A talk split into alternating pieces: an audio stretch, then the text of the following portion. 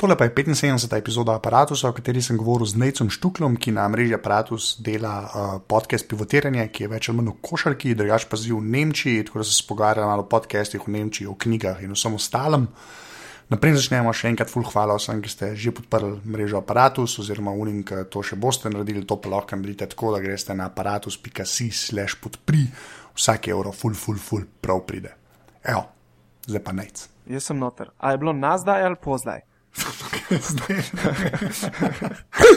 ok, gre kar začeti. Prvo vprašanje, ki je vedno isto, kdo si in kaj počneš.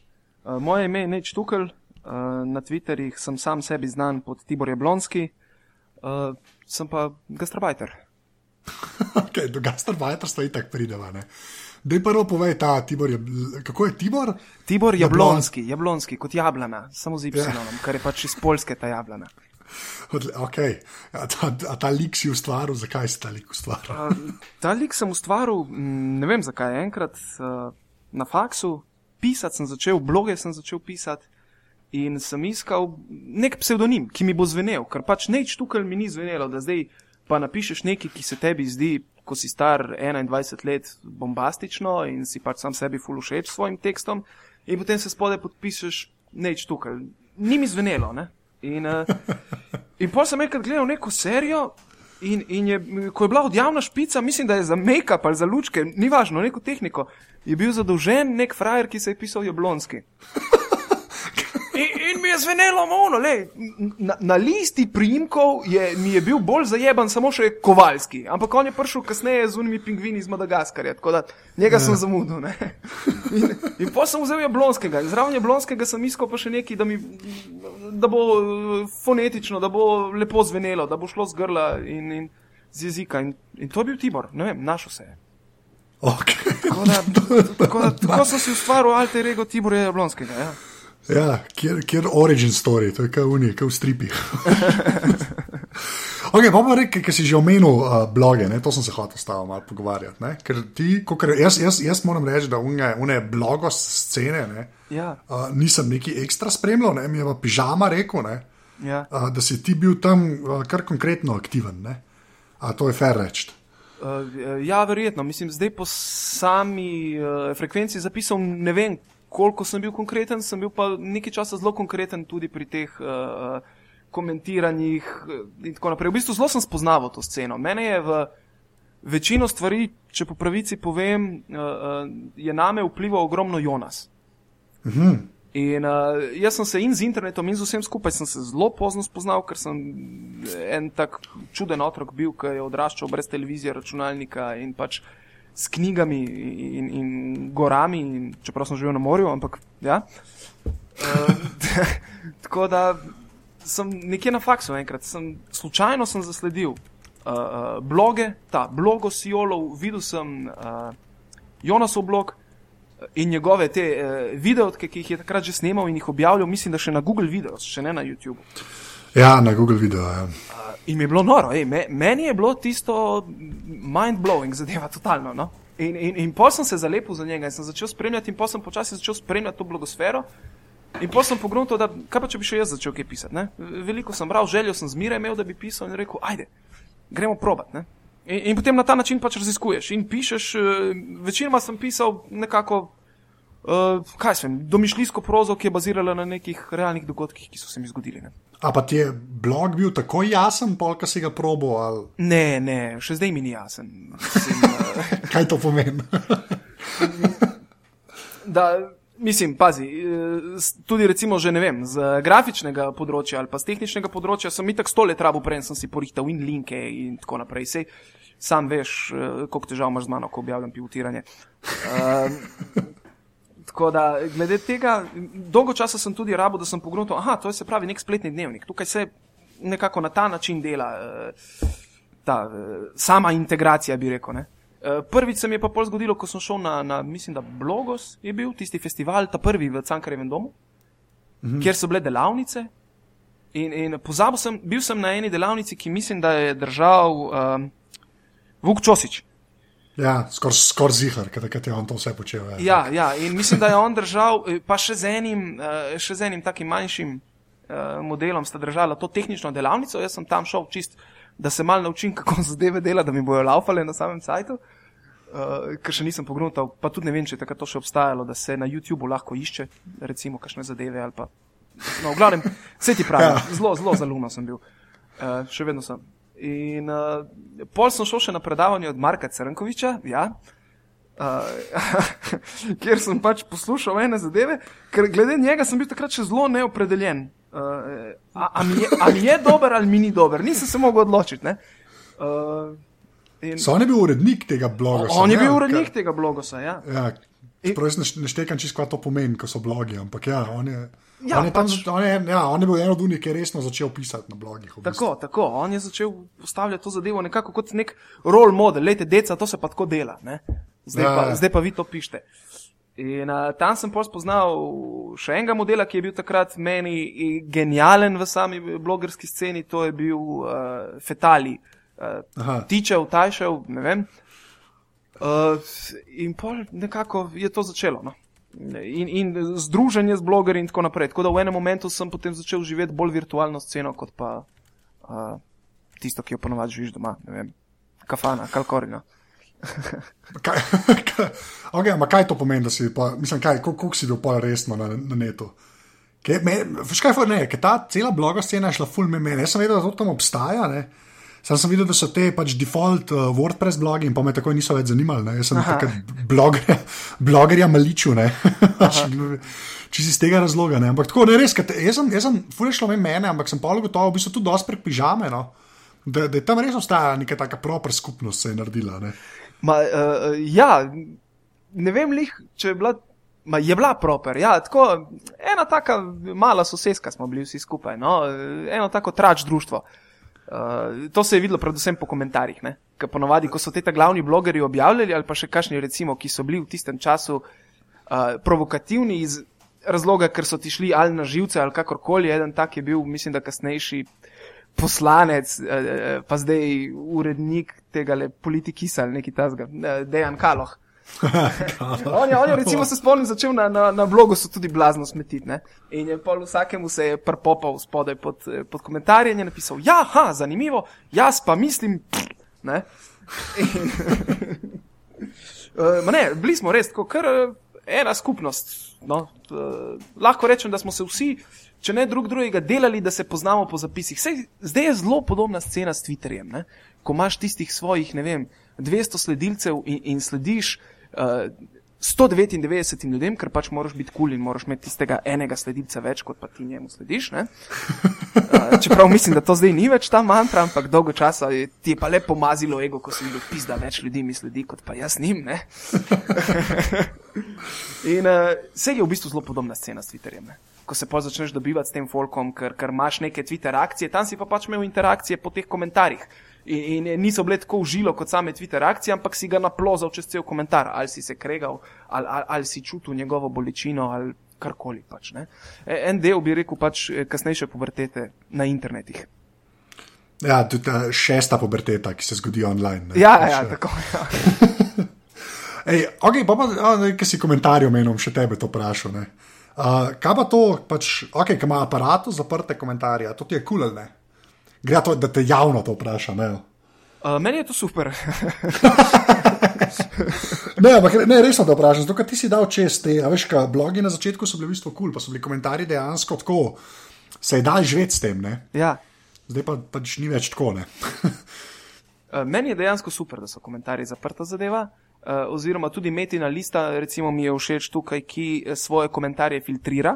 Ne? ja, oni ful moderirajo. Ja, dejansko. Ful moderirajo, v bistvu, ja, dejansko pač počak, ti objaviš in potem počakaš, da je tvoj post moderiran, če uh, pač gre skozi filter uh, nekega normalnega govora. Ne? In, Ja, to, in, in če, če si pač eh, budala sam po sebi na tipkovnici, potem tvoj eh, komentar ne bo objavljen. In to mi je kul. Cool. Uh, sploh pa recimo na aparatusu. Aparatus ni medij, kot je bil uh, blog.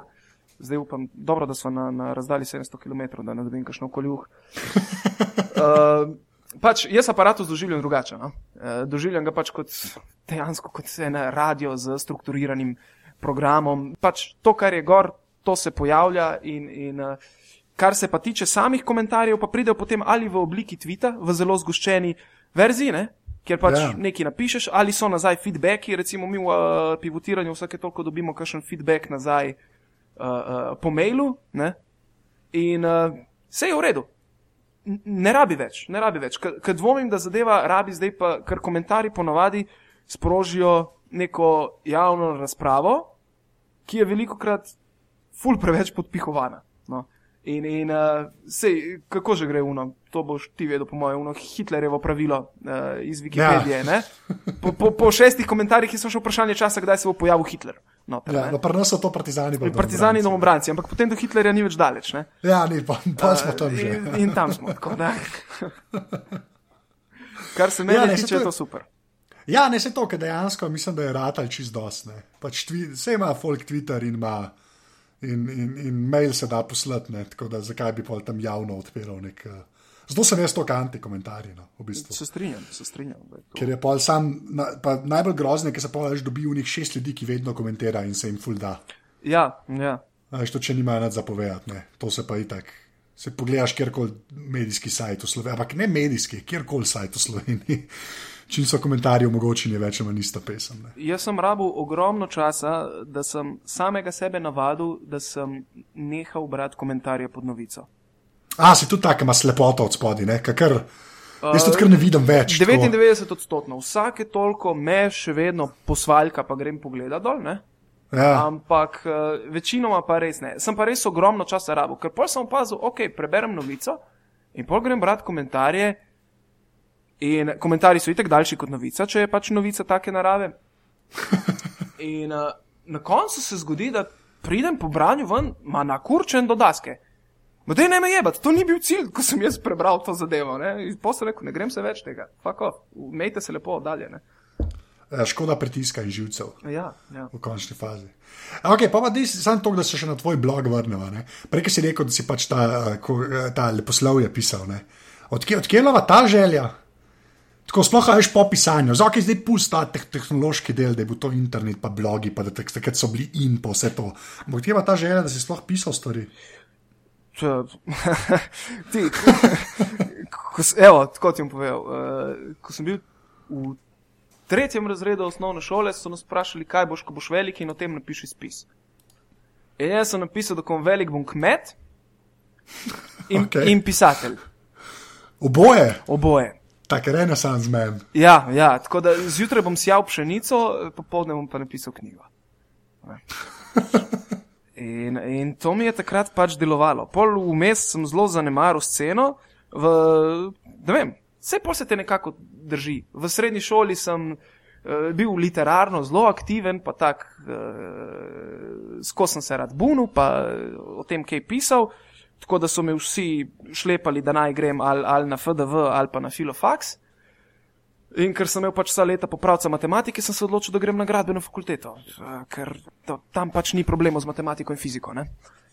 In, Ja. ja. in tako da pol čez čas, ko sem se obadal z tehniko, sem začutil pač, da mi manjka eh, nekaj, kar je po mojem defaultu verjetno bilo močnejše in to je humanistika in leposlovje. In potem sem se k temu začel sam vračati. Ne? Brat pa nikoli nisem nehal, tako da ne vem, avtomatično po mojem. Okay, kaj pa to pomeni, da bereš? Kaj to pomeni? To pomeni, da imam zvečer knjigo, da ko imam prosti cajt, imam sabo zmere knjigo, še v službo, ko grem, imam knjigo v torbi. In uh, na počitnicah imam zmeraj nek špeh, ki ga bom prebral, seveda sem zmeraj ful preveč ambiciozen in nikoli ne, nikoli ne preberem niti 20 odstotkov tistega, kar sem si zamislil. ne. Uh, Pa se to ani to z vsakim tako. ja, verjetno je z vsakim. Mislim, realno gled. Recimo, okay. ne vem, Dostojevski me čaka že deset let in še se ga nisem lotil, in, in, in si ga blazno želim, in še se ga nisem lotil. Veš, tako sem jaz zuno z Infinite Jestom. Ne. Od Foster, še zmeraj si lažen, da jo bom prebral. Sem rekel, da ta poletje pa zihar. Tako da, ja, res, v fulu pa v ta poletje mi rata. no. Ja, drugače imam jaz že tudi eno leto na knjigi police, mislim na polici knjige od Game of Thrones. Uh, ampak zdaj se nekako šlepam na to, da ne, da je, naj gre še ta sezona skozi, pa se bom pol lotil, da, Ja, ja, da me ne zjebe. Ne? Ja, boš pa, bo, bo prvo serijo, pa pol malo. Ja, ja, to, saj to, to, to. Oh, to, v bistvu, to ti zavidam, ker še nisi bral. Res. Ja, To je verjamem. ena od njih zadev, res, ker je to preveč fajn. da je- Kičast. Ja, ne, res, veš, to je res ena od unih stvari, ki tako res privoščiš folku, ki, ki še ni ja, izkusil, da bo izkusil. Ne. Ok, dej, da potem pa tako, lej, dej, ok, ki bereš, pa to, pol to sazga, ki bere, ponovadi vprašam. Zna, dej ne tri knjige, tri knjige. Tjablonski pove tri knjige, ki so mi bile kul. Cool. Ajde. Jablonski pove tri knjige. Ja. Uh, ok, da ne gremo, se pravi, mm, Venedikt Jorofejev, Moskva Petuški. Tam To je. Sploh ne vem, kaj je. Ne, ne, ne, ne, ja. genialna je, genialna je. Uh, in poznajo jo ljudje. Mislim, da je bila napisana v 70-ih letih uh, v ostrem sovjetskem režimu in seveda takrat je bila normalno, kot se spodobi za vsakega pravega ruskega pisatelja, cenzurirana. Ne? Ja. Uh, nekako pa opisuje, kaj jaz vem, moderno Rusijo skozi, uh, mislim, da Marino pot, oziroma Kristusovo pot. Tako. Uh, genialna knjiga, odkačena, ogromno se pije noter, uh, ogromne une prave, utrgane ruske zajbancije. Tam je bila močna, potem je zelo močna bila, uh, spet bom pri Rusih, od, od Bugl- Bulgakova, uh, Mojster in Margareta. Mm, pol je knjiga, evo, ki jo. Z njo imam pa vsako leto srečanje, vsako leto jo preberem uh, v eni noči. Ja, valjda. Ja, ja, ja, ja resno, resno. Prvič sem jo prebral, ne vem, leta 2009, ja, ko je bilo Evropsko prvenstvo na polskem v košarki. Uh, jaz sem dopustoval na braču in sem se ob desetih zvečer lagano lotil je brat in nisem nehal do sedmih zjutraj. Uh, in zjutraj sem šel, ker se tudi v tej knjigi ogromno pije na gemišč. in, in potem zdaj si pa vsako leto pripravim buteljko vina, preden jo začnem brati, in, in nekako skupaj z buteljko in nočjo predelam tudi to knjigo. Meni je izjemno draga, to je pa od srpskega pisatelja eh, Srđana Valjareviča, uh, Komo. Okay. Kot jezero Pojma. Komo, ampak piše, Ja. ja. kao što govoriš Komo. Uh, vrhunska knjiga, vrhunska. Evo. Okay, sa, lahko saj malo sinopsisa poveš, to me pa zdaj res zanima, ker prvič slišim. Ok, v bistvu eh, zgodba zelo preprosta. Uh, on je pisatelj v post-jugoslovanski, post-safrajevski Srbiji oziroma Zvezdni republiki Jugoslaviji, kako je takrat se še imenovala. Uh, mislim, da še ni bilo bombardiranja, ampak so bile pa, pač to obdobje sankcij in tako naprej in embarga. In on je dobil uh, Rockefellerjevo štipendijo kot mlad nadebudni pisatelj, da gre na hrib nad jezerom Komo, hrib se imenuje traže, Tragedija ali Tragedija, uh, kjer bo pač on dva meseca ustvarjal gor z ostalimi Rockefellerjevimi štipendisti iz celega sveta. Ne? In potem ja. on pride gor, cel obubožan, nima za burek, uh, sicer gor mu je seveda normalno vse plačano, tudi žepnino dobi in tako naprej, uh, kjer pa so zraven, v bistvu bi rekel, sami elitni umetniki iz celega sveta, ne? ki imajo svoje simpozije in, in tihe sobe in ustvarjajo. In on pride gor in v bistvu cele dneve pije, se zabava s konobari, uh, gleda futbal, bila je tekma Lacijo Partizan, recimo, uh, razmišlja o tej uh, svoji, bi rekel, post-safarajevski Srbiji in, uh, in ne dela nič drugega, kot žestoko pije in, in se zabava po selu. Na koncu pa dejansko na podlagi tega nastane ta knjiga, ki jo mi beremo. ne. To, to se je njemu dejansko zgodilo in, in ko je prišel pol domov iz Srbije, mislim iz Koma v Srbijo nazaj, je napisal to knjigo. Uh, mislim, Okay. Lej, lej, zve, ne, ma pazi, zveni, zveni kot, kot nek Bukovski brez cilja, sam ni. Sam ni. Dejansko je, dejansko je ta uh, uh, mikrodramatika tako dobro naštudirana noter. Lik tako raste skozi celo knjigo. Jaz sem na koncu jokal, mislim, vsakič jočem, ko jo preberem, ki me zadane v dno duše. To je, po mojem mnenju, mislim, zadev je poanto in življenja, in umetniškega ustvarjanja, in vsega, zaradi česa naj bi bilo neko človeško bitje poslano na ta svet, da ga oplemeniti. To je to. Ok, to sto pa, ja, zdaj pa deva eno sekundo pauze, samo da se tole usede. Gre naprej, pa bo šla zdaj na basket. Ne? Ker pač menim basket, ne morva, ker pač ti si. Kaj, kaj si ti, pri pivotiranju? Dej prvo razlož pivotiranje, ker grem stav, da eden, ki tole poslušaš, v live ni slišal za pivotiranje, čeprav gre za podcast, ki je na mreži aparatus ne, in vse živo. Ajde, dej, pi, pi, piče je pivotiranje. Poanta pivotiranja je v bistvu to, da se trije junci dobimo na, na pijači, na pivu uh, in podebatiramo dogodke, ki so se zgodili v košarki ali pa se bojo zgodili. Ampak ne ravno na način šank debate, ker šank debat sem se naveličal, sem jih imel ogromno, tudi o košarki, uh, ker tam pač sosedeš in poti vsak začne. E, pa ta, pa penal je fulal, pa kaj delaš kot profesionalni košarkaš, če penala ne moreš zadeti, pa ta trener ja. nima pojma, pa tako naprej. Pač šank debata se ponovadi prevede na sam uh, uh, primitivizem. Ne? No, uh, temu smo se hoteli do neke mere izogniti, razen takrat, kadar se nam vsem trem zdi kritika upravičena. Uh, in poanta nekako pivotiranja je, da in analizam, analiziramo uh, samo košarkarsko igro, kaj se dogaja, in, in da se, če, če le imamo možnost, se med sabo tudi skregamo, da pač vsak nekoliko bolj mogoče zradikalizira svoje stališče.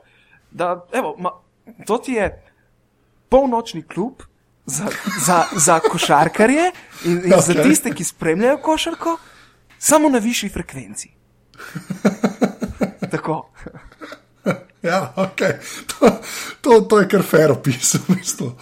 uh, kako, na koliko epizodah ste že zdaj, kje je šla zdaj ta zadnja gor? Te cifre jaz ne morem več slediti. Um, ja, jaz, uh, 42, mislim, da je prejšnji teden bila 42 ali 43, danes snemamo še eno. Ampak tako, ti si pač uh, snemate, pa vidko, ne, to je tudi treba povedati. Ti si zdaj dejansko v Nemčiji. Ne? Ja, ja, tako je. Ja, ja um, preostala dva, ne, Gal in pa Miha sta pa v Ljubljani. Ne? Tako, Gal in Miha sta ja. v Ljubljani, jaz sem v Študgartu tudi začeli smo tako snemati nekako. Jaz sem se pred dobrim letom odselil v Študgart s trebuhom za kruhom skupaj z ženo. In uh, pol sem začel nekako manjkal mi je ta stik košarko. Že prej sem veliko razmišljal, kako bi se udejstvoval, kako bi začel pisati o košarki. In, in do lani v bistvu nisem vedel, kaj so to podcasti. Uh, in potem sem začel poslušati aparatus.si. Takrat je bil to samo aparatus. ja, ja, aparatus. Okay. Tako, podcast aparatus je takrat samo bil. In, in jaz sem za njega zvohal, zakaj? Zato, ker je bil enkrat narejen podcast z Boštjanom Nahbarjem. A ja, valjda, se pa Bog je bil še dosti zgodaj. Bog je bil zelo zgodaj. In potem sem jaz ja. rekel, če ki malo, klepa, ajde, slišim, kaj je to. In potem poslušam, se rekel, ok, zanimivo. In potem sem začel poslušati ostale aparate, se najprej za nazaj, pa potem redno v štih, pa potem sta s pižamo naredila glave in jaz sem tle bil hukt. In potem sem rekel, kaj če bi se nekaj tasga naredilo v košarki. Slišal sem, eh, videl sem pol na YouTubu ene par podkastov, ki jih je imel tale genialni kolumnist eh, Edin Audič, ki piše za mondo.rs. Uh, in in uh, pol me je to nekako, pa sem iskal somišljenike in valjda tukaj je bil Twitter. Jaz se z Galom in z Miho predtem v bistvu nisem poznal drugače kot eh, preko Twitterja. Ja, se tukaj je moral tudi vedeti, mi se še nismo živo videli. Ne? Ja, ja, točno to, točno to. Kar je noro. ja, sva pa že v bistvu leto dni na, na redni liniji. Ne? ja, več ali manj, ja. kar je, kar je dosti noro. No. Tako, ja. Se mi zdi, to, to je ta, to je zmeraj rečem, to je ta. Kle, kle je internet res magic. Ne? Totalno. totalno. Aj, to, ja, kle res. Jaz, jaz, jaz to pri takih stvarih se meni pa smeji. Ampak ja, ok, sorry, povej, da prekino. Ja. Ne, ne, ne, ta, ta tvoja misel bi bila všeč, internet je magic. Ker lani še enkrat, ali, ko sem pisal diplomsko nalogo, sem šel k profesorju. In uh, je bil še en drug profesor, noter, ki mu je razlagal, kaj naj bi jaz mogel narediti, ki je takrat še mislil, da bo moj somentor. Uh, in je potem tega mojega profesorja, ki je že gospod v letih, tam preko 65 ima, ga je vprašal, a imate wireless? In mu je moj profesor rekel, uh, ne, ga nimam sabo danes. in pol mu je ta asistent ga je pogledal in rekel, ne, to je internet, po zraku gre. Oprosti, zdaj sem ti prekinil uh, tempo. Kaj si že rekel? Ne, sem tam imel dobro, da nimam ga samo danes. Najboljši odgovor za nekaj, ki ne veš, zakaj se gre. okay, ja. Ne, ampak kaj sem hotel vprašati? Okay, pod kje pa ta pol uh, pač veselje do košarke? Tako, si kdaj špil ti basket ali ne? Ali... Jaz sem treniral deset let judo.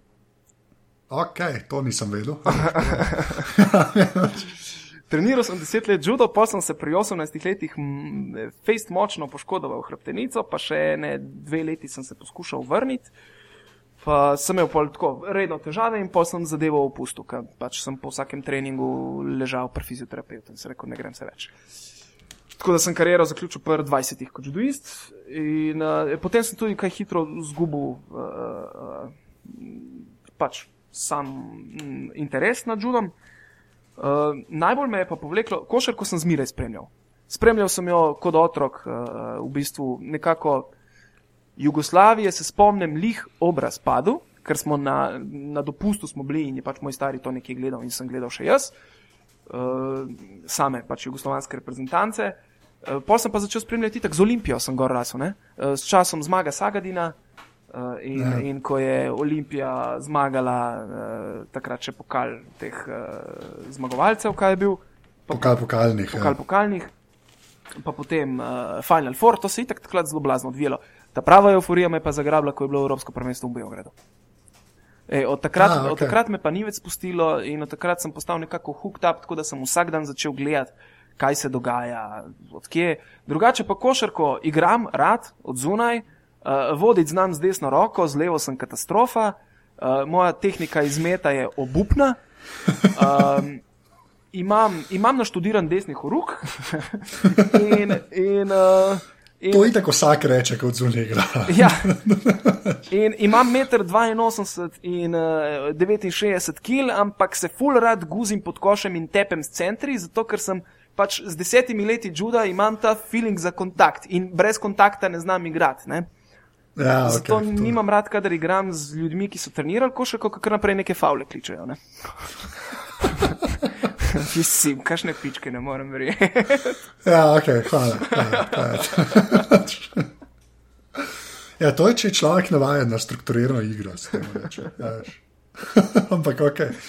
A, a, ampak, kaj, ampak to zdaj, kaj to zdaj pomeni, da spremljaš? Ko, a bolj evropski basket imaš raje, ali NBA tudi, ali ne?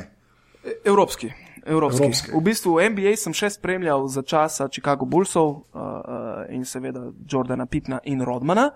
Pri tem moram povdariti, da sem bil ene take čudne sorte košarkarski fan, da mi je bil najboljši igralec v Bullsih Denis Rodman. To, to je weird, ja. Ja, ja, to je full weird. Ma meni je bilo všeč v glavnem. Tip mi je bil všeč, kako skače, kako, mislim, Pa sem enkrat pogrunil, zakaj ima on 18 skokov na tekmo. Ja, ker ne more zicerja zadeti, pizdarija, pa vsakič skoči za uno svojo žogo. ja, pa zaradi tega, ker v Ameriki ti skok piskajo, če ja. skočiš proti žogi, pa se jo po nesreči dotakneš. Tako, ampak. tako, trikrat, trikrat si popravi žogo v zraku, pa so tri skoki. Voziš, ja, več ali manj. Tako da, super, lej. Ne, ma dobro, je treba prač priznati, da je Rodman bil garač v obrambi. Blazen, ja, uh, uh, zanimiv mi je bil sam po sebi, ker je tako imel takrat vsak dan drugo frizuro in tako ekstravaganten tip je bil in pač rekel, ajde. Čeprav zdaj, ko pogledam nazaj, mi je pač Jordan tisti, ki mi je jasno, da je vse skupaj držal. Ne? Ali ja, dobro. se to vse je pa videl, ker je v en let, ki ga ni bilo. Ne? Ja, ja. Več, več od manj. Zakaj je pa evropski basketbol boljši? Um, jaz mislim, da sem imel več kontakta z njim. Uh, normalno, Euroliga je bila na nacionalki, Evropska prvenstva so bila na nacionalki. Uh, ti pravim, pač odraščal sem do, do 14. leta brez televizije, tako da pač kar sem lovil, je bilo ali na okolje pri sosedih ali po baričih in tako. In uh, pol pa kaj pa vem. Zelo pozno sem se, lej, zdaj se trudim, zadnja leta se trudim gledati NBA, ko pride v playoff. Uh, in, ja. in, in predvsem se tukaj, bom rekel, trudim z recimo moštvi kot so San Antonijo Spurs, pri njih mi je pač imajo ta evropski šmek, tudi ogromno evropskih igralcev in pa koča, ki mi je tako všeč, da, da mi boli glava. Ne? Greg Popovič mi je car, totalen. Bi rekel, nek nov eh, teksaški zen master po, po, po, po Philu Jacksonu. Lih podobno luciden v bistvu. ja, sej. Pa oni so edina normalna ekipa. No, vse, Verjetno. Lej, zdaj sem se prav trudil, pred dvema dnevoma sem gledal Indiana in Miami, eh, odgledal sem prvi počas in se rekel, ne grem se več. Eh, sploh Miami mi je čuden za gledati. Gas, komod, stresni, noter, pa vse skupaj nič. Mislim, na mišice igrajo. Ne? In, in uh, Ne vem, se je zelo možno, da bojo na koncu še celo osvojili ta prsten, upam, da ne, no, ampak ajde. Ja, se mislim, da ful malo ljudi za njih navija, realno gledano. mislim, da smo vsi bili na San Antonijo. Sploh pa ta še povezava, ki sta bila v udrih, pa rašo tam. Ne. Ja. Se mi zdi, da je tako še ta bonus v, v Sloveniji, San Antonijo s prsi. Itak, itak. Vsi malo posvojili to ekipo. Ja, pa ne, pa če zdaj pogledaš, San Antonijo s prsti so še zdaj slovenska ekipa. ne? Imaš noter Aerona Benca, ki je iz Olimpije šel v San Antonijo, ja, je in, res, in ja. Denija Grina, ki je sicer pri Filipovskem ni smel Ni metati na nič koš. Ne? Ni, ja, to še, Pa Ne, pa, bil, bil je okej. kregan, ker ni držal obrambe tako, kot si je Filipov zamislil. Enostavno povedano. Dober, pa, ni, pa tam je bil res zanač. No. Tam res ni bil v formi, ki je bil v Olimpiji. Ja, vprašanje je zakaj. Ne? Ampak Ja, ja, dobro, okej, nema veze, pač v nisem mu poklopil, Ja, nisem v Olimpiji poklopil, poklopil. okej. Ampak če ne drugega, se lahko, kot nam je rado v navadi, trkamo po prsih, vižga majstra, ta pa je v Olimpiji zrasel, ne pol leta. Ne? Ja, v ne pol leta v Olimpiji mu je to res. Tako so ga ubili v pojem v pol leta, da je potem pršen eksplodiral. Pa, če to ni bil en psihični boost, pol ne vem, Ja. kaj bi bilo. Zdi so bili zmenjeni to. Pa so bili zmenjeni so ti, da je to. To, to so ti te psihološke igre med Popovičem in, in Filipovskim. Ja, to se ve. To To se ve. To je javna tajna. Za vsakim šankom to vejo. No, ne, ne, Okay, pa, uh, greja sam še naprej in greja na strojno programsko opremo. Ne? Te moram še vprašati o tej Nemčiji. Ne? Nemčija. Uh, Nemčija. Ja, ti si kdaj si šel kaj? Uh, jaz sem se odselil gor uh, 2. marca 2013. Evo. Tako. Okay, to pa je zdaj že proper eno leto. Proper eno leto, ja. ja. Okay. In kako je tam? To vem, da je tako bedno vprašanje, pa ful preveč splošno, ampak resno sprašujem. Pač. Ker ti si, veš, ti si dejansko ena od unih, ki je v tej, temu, tej katastrofalnem šmornu, ki se nam dogaja zadnjih šest let, ne, ja. pač dejansko pa je šel v Nemčijo. Tako da res, res to, to me res zanima. Zdaj, to, odgovorim na vprašanje, koliko misliš, da je prav, ne? ampak res, kako je tam. Uh, ja, na začetku ni bilo lahko, definitivno. No. Uh, na začetku mislim, da eh, prva misel, ki mi je šla skozi glavo, je bila, mi se sploh ne zavedamo, koliko dobrih stvari imamo v Sloveniji. To mi je hodilo skozi glavo, ne boš verjel. Ja, kot naprimer kaj. Uh, ja, to se tudi zdaj sam sprašujem. Uh, ampak takrat mi je to hodilo. Ne vem, ali je to bila. Pač jaz sem imel blazno močno nostalgijo v istem hipu, ko sem šel gor, ker, ker nisem hotel iti.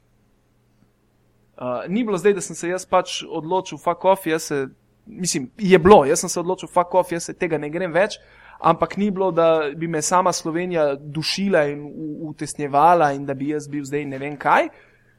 Ne, mi dva z ženo sva se enostavno znašla v taki situaciji, da sva oba bila brez službe. Uh, jaz sem še čez poletje delal kot pomočnik v kuhinji, recimo dol v Portorožu, ker to pač lahko v Portorožu delaš. ne. Uh, te, pri tem je treba poudariti, da tudi sam recimo nisem nek uh, kader, ki bi zdaj rekel, u, bežijo nam pa ne vem, možgani ven. Ne? Ker, eh, Okej, ker sem pač tak možgan, ki je študiral 11 let na gradbeni fakulteti. Ne? Sicer sem vse živo zraven počel, ampak ja, nisem lih nek biser študenta bil nikoli. Ne? No, sem si naredil gradben faks. no, Naredil sem šteje, gradbeni faks, No, ja. vidiš, to šteje, stari. Šteje, ja. E, Napisal sem diplomo v Nemčiji No, ok, lej, whatever. pač in se vrnil dol zagovarjati. Tako, tako da eh, pač. Šel sem gor, predvsem veliko stvari, če pogledam, sem si bil sam kriv, mogoče, da do takrat nisem imel službe, druga stvar je pa bila, da se je gradbeniški sektor itak zlomil in da je bilo praktično nemogoče dobiti službo v Fohu. Ne? Ja, Uh, pri tem je bila še ta, ta zelo močen faktor, ker moja žena ne prihaja iz Slovenije, ampak iz Srbije. In je že tako ali tako se vsako leto borila z nečloveškim sistemom na naših upravnih enotah, da dobiš vizo, kjer te dejansko tretirajo kot uh, tretji razrednega državljana in te ob vsaki možni priložnosti tudi temu primerno degradirajo. Ne? Recimo ponovno delanje vozniškega izpita, ne? Ja. kar je genialno.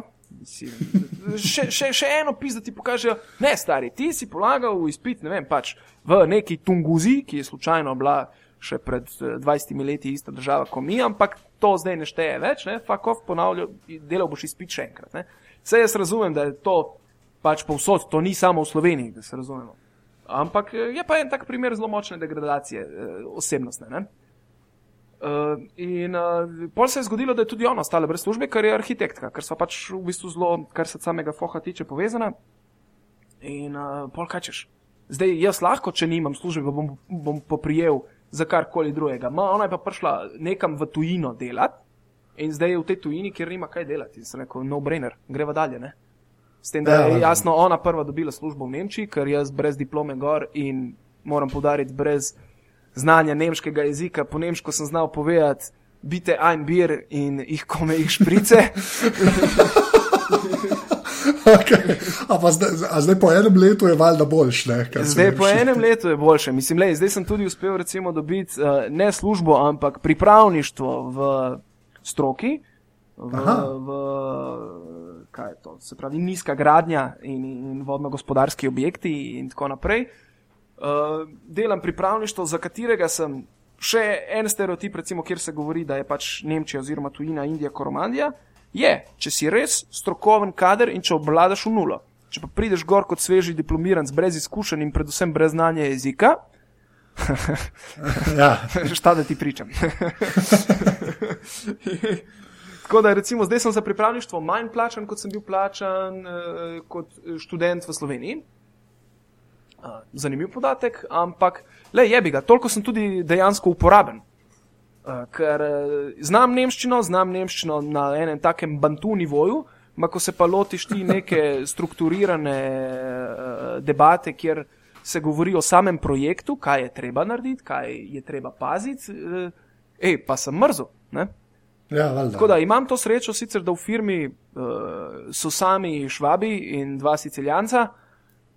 Uh, tako da govorijo res striktno samo nemško z mano, kar pomeni, da jaz tri četrt časa kimam in potem pač še enkrat vprašam, kaj so rekli.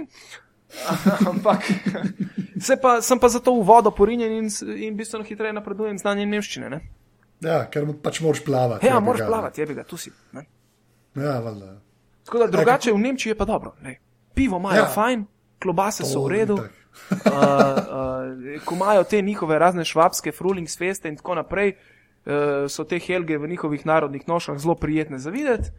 Uh, okusa za muziko nimajo, uh, o basketu ne vejo, kaj je to. Tako da, Ja, to pa verjamem. Tako da to mi je pač zanimivo. šel si v edino evropsko državo, kjer je res basket. Tako. Nula. Ja, nula. Prejšnjič sem se pogovarjal z enimi o basketu in so me vprašali, ti, kje države v svetu pa sploh igrajo košarko? Ve, mislim, poznali so recimo Dirka Novickega, ker on pa igra v Ameriki. Ja, valjda. Ja. To je bilo to. Nula. Ja, sej, ja, veš, tako, sej, ampak po drugi strani imaš pa v Nemčiji polne dvorane, ki je rokomet v igri. Ne. Ja, Veš, ja, tako da, ja. Lej, go figure that. Ne. ja. Ma sej. Razmišljam prav dolgo, ker je 90 km tukaj je arena, kjer igrajo tale Rajn Nekar Löwen, eh, v bistvu svoje čase res top evropski klub, pa še zdaj v bistvu plava zelo pod vrhom. Tako da, eh, če, če me bo kdaj mal eh, zasiti v basket, kar zaenkrat sicer še ne zgleda, se bom mogoče preusmeril spet na rokomet, ki sem ga pa lik zaradi naše reprezentance in, in v bistvu pivovarne Laško in takrat še mobitel prule tudi ogromno spremljal. Mobitel, prej to je za me, čim kdo to reče. Jaz, jaz v Trnovu živim, pa sem na prule osnovno šolo hodil. Ej, mobitel prule, pa oni so bili prvi, ki so vzeli Vem, državno ja. titulo. Uh, Ja, oni, so tudi, oni so bili tudi četrt finale lige prvakov, Ja, ja, so polfinale, se Ja. mi zdi, da so, so do polfinala prišli. Pa Zorman je igral za njih, ne? Ja, pa Bruman, pa Natek, ja. so soseda moja, stari, to je folk, to je vse kle v radiju, tri km, kjer sedim. Trnov style. Ja, hej, hej, to, to to. Ok, zdaj gremo pa na tvojo uh, strojno in pa programsko opremo. ne. Uh, tako da uh, povej prvo, strojna, kvaj imaš. Pa brez podcastinga, ne zanima me tvoj mikrofon. To zdaj, odkar je Jonaš potrdil, da je to moja teorija, da podcasti, kjer se ljudje pogovarjajo, kako podcasti delajo, niso kul. Cool. Tako da, ajde, strojna oprema. Strojna oprema. Ja. V bistvu tako, pred sabo imam ženin laptop uh, in tole je HP ProBook 4520 z, okay. z neko drugo grafično, ker ga ona pač rabi za te svoje 3D modele, Aha, valjda, ja, ja. Autodesk pa, dobro. Ja. pa, pa 8 giga rama, tako da to bo počasi treba malo upgradati. Uh, Strojna oprema, kaj še? To, to je v bistvu, telefon. kar se računalnik tiče. Telefon, telefon, ta, ta, ta ti bo pa všeč. Uh, Nokia 6310 ali neki tasga ali 210, O moj bo, a un sta zlatim po sredini. a ne, moj je plav. A plave, čak. Ne, črn, črn je, evo, črn je, ima rdečo in zeleno tipko. Uh, Vse vem, kjer telefon je. Lej, ja, tak- bila, tak- bila. tak kvadraten je, ampak se dela, da je malo ovalen. ja, mislim, da je star ene, 7 ali 8 let, Im, ima polifonične melodije. Oh, God. Uh, uh, nima kače, Nima. nima kače, ima, neke, Okej. ima puzle in ima nek vrhunski bowling, Kaj pa pomeni vrhunski bowling? ki je full dober, veš kako igraš z njim. Jaz sem, jaz sem naredil perfekt na njemu enkrat ne? in sem tako ponosen, da, da zaradi tega ne bom nikoli dal stran tega telefona. Uh, drugače sem pa imel tudi uh, predtem, dve leti sem imel uh, HTC. -je. Najprej sem, imel, Aha. najprej sem imel HTC Desire, pa mi je padel v morje. Valjda. HTC Desire S, pa sem ga pol seveda spravil v sladko vodo, pa porinil v riž. In je še Valjda. delal nekaj časa, in mu je najprej crknila baterija, pa sem še baterijo zamenjal, pol je pa kon, dokončno umrl. Uh, tako vsega skupaj v ene pol leta. In potem sem si nabavil HTC Wildfire ali nekaj takega, en tak manjši. A, ja, slabo.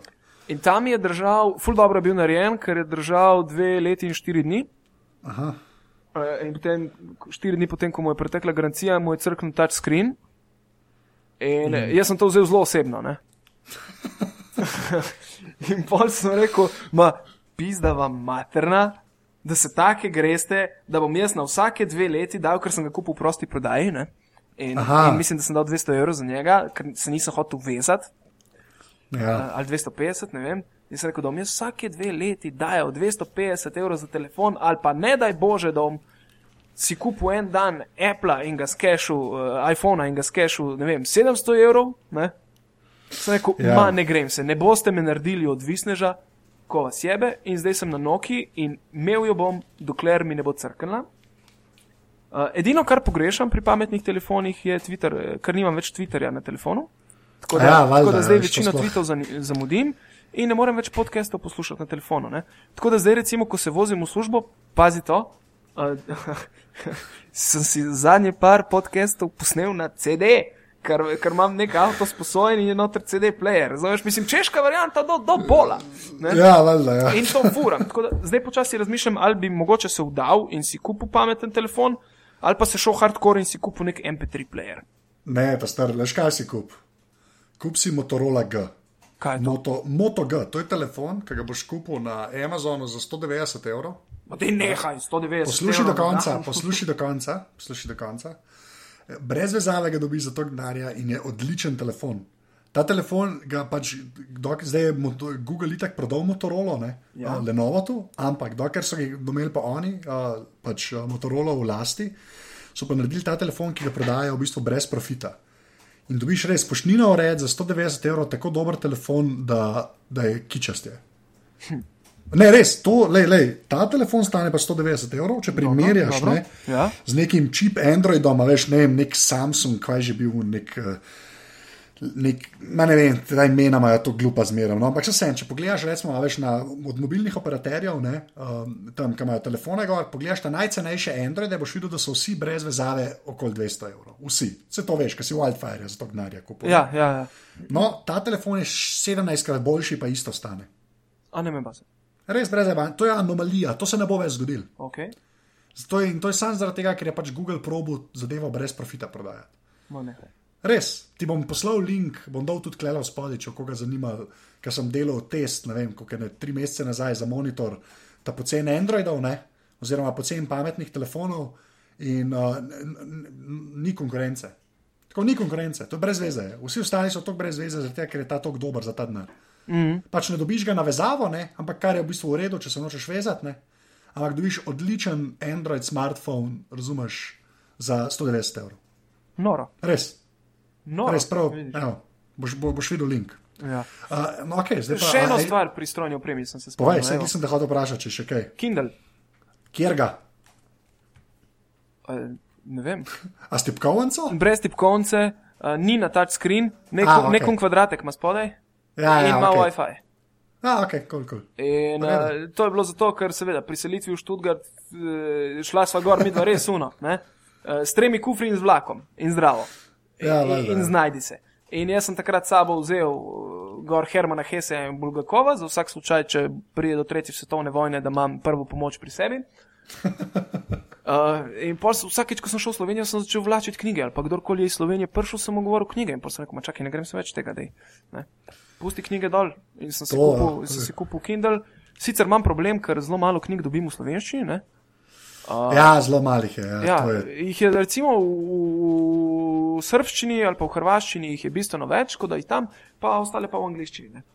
Ja, in, no, dobro, čeprav tudi nemščina, ne, zdaj, ki jo že malo znaš, bo slejko prej. Uh. Ja, ja prejšnji sem prebral Alico v čudežni državi v nemščini. Recimo, no, to je moj nivo, evo, pa Asterix berem v nemščini. no, lepa, ste, vse, hvala Bogu, tako se naučiš. Ma itak, iščeš stvari, ki si jih že prebral v slovenščini in potem pač guraš dalje. Ne? Ja, valjda, ja. A, lepa, lepa. Ja. Okay, ne, res, to je tako, fair enough. Pač. Ja. Okay, pa za programsko opremo, a te sploh manj kaj za vprašati, realno gledano. Ja, ja, seveda. Po, no, ne, povej. Ker sem po stroki vodar in komunalni inženir, se pravi. Uporabljam hek RAS, hek HMS, AutoCAD, uh, kaj je svem, kaj še. Eh, seveda, Microsoft. Excel in Word. ja, ok, Microsoft, to vse napisal. Uh, kaj sem, o podcastih ne smem govoriti? Ne, lo, hajde, no, daj, hajde. Ja, ne, vse to tako si delamo. Snemam pač na freeware, Audacity. Mislim, da, da drugega resnega od programske opreme, čakaj, bom prav še malo. A ja, obvezen mi je Skype, brez njega v bistvu. Ja, si jih hotel reči, ne bi bilo tole mogoče. Ne bi bilo tole mogoče, pa tudi ne vem kaj, mislim slab sem z pisanjem uh, pisem, uh, tistih pravih fizičnih. Edina oseba, kateri še pišem ta pisma, je moja sestra, ker ona je pač vem, iz leta, eh, kot je bil Vermeer, se pravi 1700 in neki, in ona pač deluje na ta način. Uh, in to je to. Evo. Ok, pa pa še zadnje vprašanje, ki je vedno isto. Uh, če bi eno stvar mogel izpostaviti, ki je naredila vtis na tvoje življenje, oziroma uh, jo lahko še imaš, lahko nimaš več, kakorkoli, kaj bi to bilo, in da ni človek, seveda, ne? ker je stvar. pač, povej. Ena stvar, ajde. Pa, e, vedel sem, da boš to vprašanje postavil, valjda, ker, in, in sem pozabil. -hmm. Kimona. Ki, odličen odgovor, zakaj pa kimona? v bistvu, Ja, ker si deset let do izbil. Okay. A tam so kimone, da nam zdaj na robe rekel. Ja, normalno. Kimone Aha, okay, so cool, okay. take malo bolj robate kot pri ostalih športih, ker nočeš, da te nasprotnik predolgo časa drži, da ima predobro prijem in so to vse take blazno grobe in ti pač eh, posvalkajo prste čim bolj. Ne? Uh mhm. -huh. Tako da jaz sem zaradi tega imel zmeraj Adidasov kimono, ker je bila najbolj groba. Uh, kimono pa predvsem zato, ker eh, pač sem v njej judo treniral in mi je v bistvu judo kot šport mi je omogočil, da da sem se tudi kot oseba razvil drugače, kot bi se sicer, ker sem bil zmeraj najmanjši, pa, naj, pa najbolj jeznorit. Ne. Ja. In nekako z čudom sem dobil tisto posebno samozavest. In, in še zdaj, ko oblečem kimono, čeprav pol v njej samo še paradiram in prevale delam, se počutim tako boljše. ok, fair enough, to je proper odgovor. Ja, lepa, lepa. Uh, Nec, uh, to, to je več ali manj to. Ful, ful, hvala. Ej, hvala tebi. Ti povem še to, da v bistvu sem si potihem želel, da pride ta dan, da pridem v aparatus. Uh, ja. Tako da zdaj je zadeva zaključena in lahko neham snemati tudi pivotiranje. Ja, to je. To je to, to je to. Svoje sem dosegel, bravo. Ja, in pa je, and he was never heard from again. And he was never heard from again. Ja. Pa se še lahko pošlješ po e-mailu. Ok, da biš po mailu moj pašel za legitimno osebo. Da, uh, ja, evo, ne, to, to je to, najlepša hvala. No, super, me je veselilo. Tole je bila 75. epizoda aparata, najca najdete na Twitterju pod Afna Tjablonski, z Y, kot je sam rekel. Jaz sem na Twitterju Afna Anzet. Feedbacka sem vedno vesel, tako da mi lahko tam težite, oziroma prek maila anzeafnaaparatus.si. Še enkrat pa full hvala vsem, ki ste že podparali mrežo aparatus in vsem unim, ki to še boste naredili. To pa lahko naredite tako, da greste na aparatus.si slash podpri. Evo, hvala, ki ste poslušali. Čau.